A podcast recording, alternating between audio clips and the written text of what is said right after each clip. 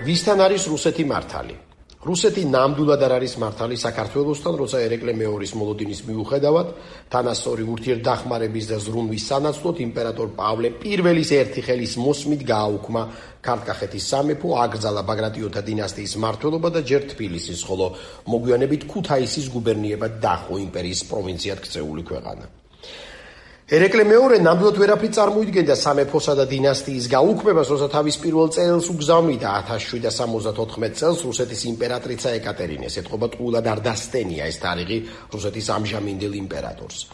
რუსეთი ნამდვილად არ იყო მართალი საქართველოსთან 1921 წელს და არ იყო მართალი არც 1991 წელს, როცა ჯერ ბოლშევიკებმა, მერე კი ელცინის ყაიდის დემოკრატებმა ბრჭყალებში შეიძულეს საქართველოს დამოუკიდებლობა. ანუ გლობალურად, ისტორიულად, ან თუ გრებავთ ადამიანურად, რუსეთი ნამდვილად არ არის მართალი საქართველოსთან, მაგრამ ის უდავოდ მართალია არა გლობალურ, კვაზი ისტორიულ და გნებავთ ადამიანურ ეთიკასთან მწრალად მყოფ ბ ივანიშვილთან. რუსეთის სახელმწიფო ამხანაგი პუტინი ერთმნიშვნელოვნად მართალია მისავე ქვეყანაში გამდიდრებულ რეგიონალურ ოლიგარქთან, ვიზეც აქამდე ვერ გაურკვევია, სადამდე და როდემდე უნდა უთაფაშებდეს ერთ ადგილს. ვერასდროს წარმოვიდგედი რომ პუტინს გამუგებდი რამეში, მაგრამ ის რომ უთუოდ გაბრაზდებოდა კოლექტიური ივანიშვილის მიერ 1000 გზის მოპატიჟებული და სახაჭაპურე სახინკლეთ გამზადებული კომუნისტ მართლმადიდებელი გავრილოვის გაგდების გამო ეს გონი საკამათოც არ არის. ვლ პუტინი ეკითხება ბძ ივანიშვილს, ყოველ შემთხვევაში გარედან ასე ჩანს. პოლიტიკა კი რაც არ უნდა თქვა საბოლოოდ ისა, რაც ზედაპირზეა. რატომ პატიჟებდით და მით უმეტეს სპიკერის სავალზოში რაღაც სვამდით, თუ კი იქიდან გაპანგურებულის დაცვის თავი და შნო არ გეკნებოდათ. ჯერ შაქარია ქუცნაშვილის ლოყები დაიხოკეთ, ოღონდ კი თქვენამდე ჩამოეღწია და მერე კი მტერი და უხსენებელი უძახეთ. ვინ ვინ და ამხანაგმა პუტინმა ხომ ზუსტად იცის რომ ის რაც ისტორიაში კრეტინულად აღმოჩენილ ვინმე გავრილოს შეემთხვა საქართველოსი თავიდან ბოლომდე კოლექტიური ივანიშვილის პუტინისთვის კი კონკრეტულად ივანიშვილის პასუხისგებლობაა და აქ სოფელ მეტეხის მკვიდრი ვერა პუტინას ზე ვლადიმირის ლოგიკა გასაგებია.